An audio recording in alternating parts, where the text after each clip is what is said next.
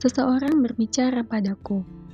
Katanya, ada sebuah puisi yang begitu sederhana, yang bisa membuat hal luar biasa menjadi hal sederhana.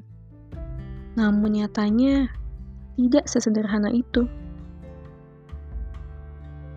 Seorang yang lain juga bilang, mencintai dengan sederhana ternyata bukan hal yang paling sederhana.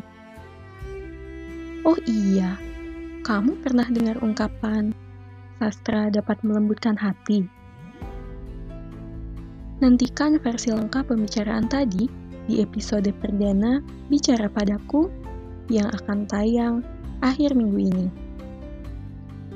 Bicara padaku lebih dekat, lebih baik.